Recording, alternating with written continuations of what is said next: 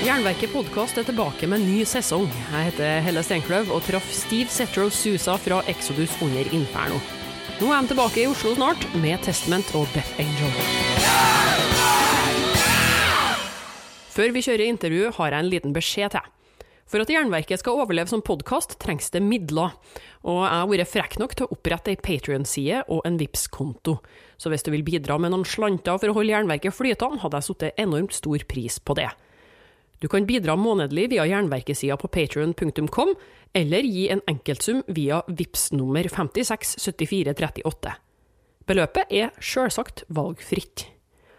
All informasjon står nederst i episodebeskrivelser med ei lenke som fører deg rett til kassen.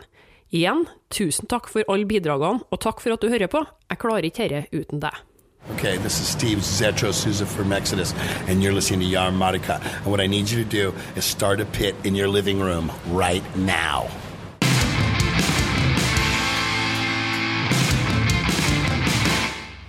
I'm Steve Zetro Souza from Exodus, and I am the lead singer. And you're back now for a third time. Yes, I am. That's right. And how is that uh, turned out? What's the difference between now and then? It's better now than it was then. Um, you can't always. Life changes, things happen in life. When you think that music is the number one thing in your life, like it was when I was in my 20s, when I came to my late 30s and 40s, I had young children and a whole nother career, and it all of a sudden came back to me, and I don't think I was ready for it at that time. But this time, my children are grown, gone. Um, I was actually divorced with their mother, who was not a big supporter of this. And the woman I'm with now loves that I do this. So it's a lot easier to leave home without worrying about what's going on back there. So um, actually, for me, this is the best time. I'm having the funnest time ever this time around. Oh, yeah, I even saw that your newest album, the one that came in 2014, Right. it's the highest charting one you've had since the start of your career. Yeah, which is great. And I mean, if you look at that, it, it seems like we're starting to appeal, obviously, to a new generation of fans that are really digging the music, and and uh, it looks like their parents are the ones passing it down as well. So it's worked out really well um, on that aspect. Because I remember when we were touring in 2002 and 2004, there weren't a lot of newer kids there, you know, and now I'm seeing the 22, 23, 25 year olds, you know what I mean? So I'm starting to see that sort of thing. It was probably a drop around the early 2000s, I think. I would say even earlier than that, kind of, but um, I think bands like our, us persevered and we, we, we moved forward. And there was the lean times, and now they're starting to get good again. So, you know, I think we'll be. Um, I think we'll be going for quite some time now. Could you give us a little taste of what happened the first few years when you were in Exodus? You weren't the first singer, but you came when they were peaking. Correct. When when it was being built, I was. Um, I kind of look at it like Iron Maiden. Paul was the first singer, but Bruce is the voice of Iron Maiden, and um, you know, uh, obviously Bon Scott was a major part of ACDC, but Brian was in the band for 36 years.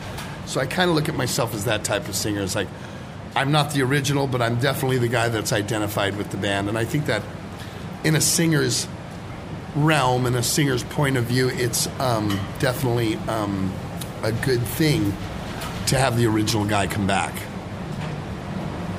But what made all you guys decide that now's the time for the oldies to get back together and do this again? I don't know if it was the oldies. They had another singer, and what happened between them and him is not actually any of my business. You know what I mean? It's like I got a call, and I was asked if I was interested again, and I actually came in and auditioned, and they liked what I did.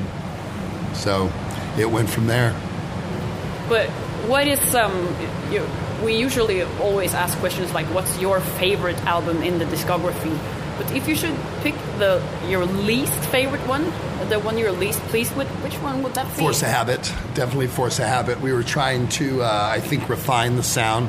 There's actually songs on that record that I just can't even stand listening to, and there's not, there's no other Exodus album that I have songs on that that I just can't stand listening to. But I love songs. There's songs that I do love on that album, but there's songs that I just despise on that album. What's wrong with them? I just don't think they were aggressive. They weren't heavy enough. They weren't in your face. Go listen to Pleasures of the Flesh, Bonded by Blood, uh, Impact is Imminent, um, uh, Tempo of the Damned, even the stuff that Rob Dukes sang. It was so much more aggressive than Force of Habit. It was like a major record label trying to tell you how to do it, which is exactly what it was. But is that a big difference now uh, when you compare it to the 80s, uh, the record companies, or It's a complete different business now. It's a complete different business. Records are only the catalyst so that uh, bands can go out and tour. I mean, if you think about it, Iron Maiden puts out a record, probably 100,000 people buy it, but they go and play in front of 50 million people all over the world. You know what I mean? So all it is is basically a catalyst. And one, what movie company did that, that the music industry did not do was make it so where you can't copy a CD. They ruined themselves by that. So as soon as the computer came out, you got to one guy buys the new Slayer and 10 people go burn it and that's how they get it.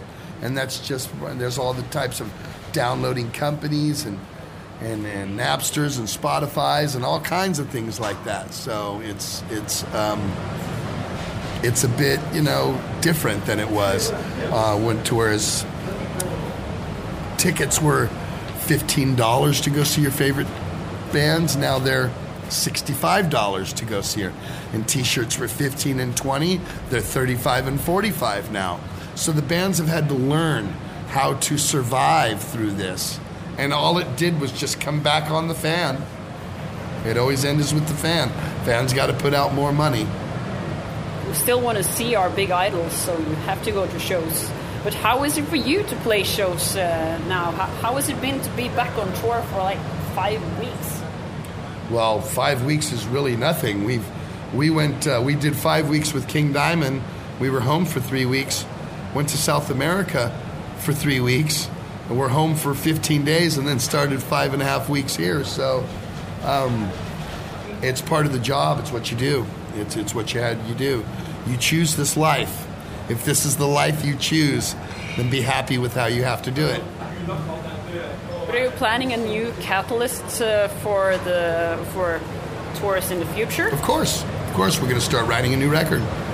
You know, you have to do that. You have to do that. And and and I think as a band and and being loyal to your fans, you owe it to your fans to give them new music. This is what you do for a living.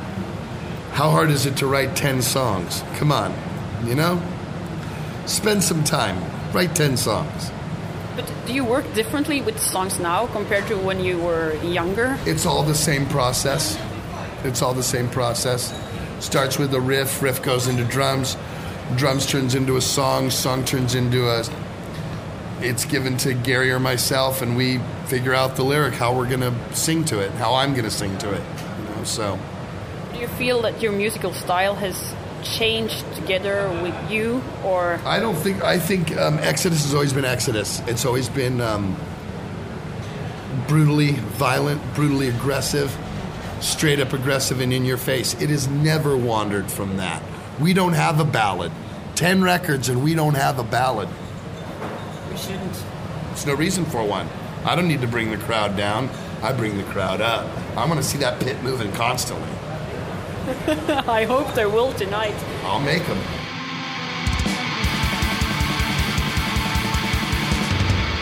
Do you have any really good memories or Spinal Tap stories you Oh, could God. share? Are you kidding me? I got a hundred million of them. But one you can give us. Okay, so well, I remember when I first joined the band, we were uh, we were in um, New Haven, Connecticut, in the United States, and the crowd we could hear them inside the the the venue chanting for the band, but we couldn't get in the venue. We're banging on the door trying to get in, and all of a sudden the security guard opens it and looks at it. Old black guy, just like that, goes, you guys the band? He's like, yeah. Just like when they're walking through the stairway in Cleveland, going, you got just got to take a little jog up to the left. It's like, you guys the band? Aren't you supposed to be on stage? It's like, duh. But the door was locked, so it's like, so that's kind of I can go. We've had everything that's happened in that movie has happened to us. So, but that's just one example of a good Spinal Tap story. What What's the coolest band you've ever been on tour with, the, or the coolest co-show, or whatever you can call it? We toured with Black Sabbath before. That was amazing. In '92, we went out with Black Sabbath for Dehumanizer record when it was Tony, Geezer, Vinny, and Ronnie Dio. Yeah, that's We right. great. We had a great time on that tour. I, I, I will never forget that tour. We've got to play pretty much with all of our heroes and, and all of our. We've played from everybody from Judas Priest to Iron Maiden. You know what I mean? We know everybody and played with everybody. Last summer we played with our boys Metallica, who we started out with. We were very fortunate to play with everybody, but the Black Sabbath tour definitely stands out in my mind. By the way, when we're talking about old friends, uh, so Kirk Hammett played uh, on one song. Salt the Wound. He Yeah. did a he did a lead on Salt the Wound. Yep. because he was in the. He was the original member. Tom and, and Kirk started Exodus. How So- did, you, did you get him on in on the project? Well, he's we see them all the time, you know, and we're friends with those guys. So Gary was out to dinner with Kirk, and I think it was around December of 2013, and when he was writing, and said, "Would you be interested in playing in the new Exodus album?" He was like, "Thank you for asking me. Hell yeah, I would." So he did a really great lead on "Salt the Wound," and it fit the song really well. So we're very happy that he came in and did it, and we're very proud of that as well. he wouldn't wouldn't come with you on tour. I don't think so.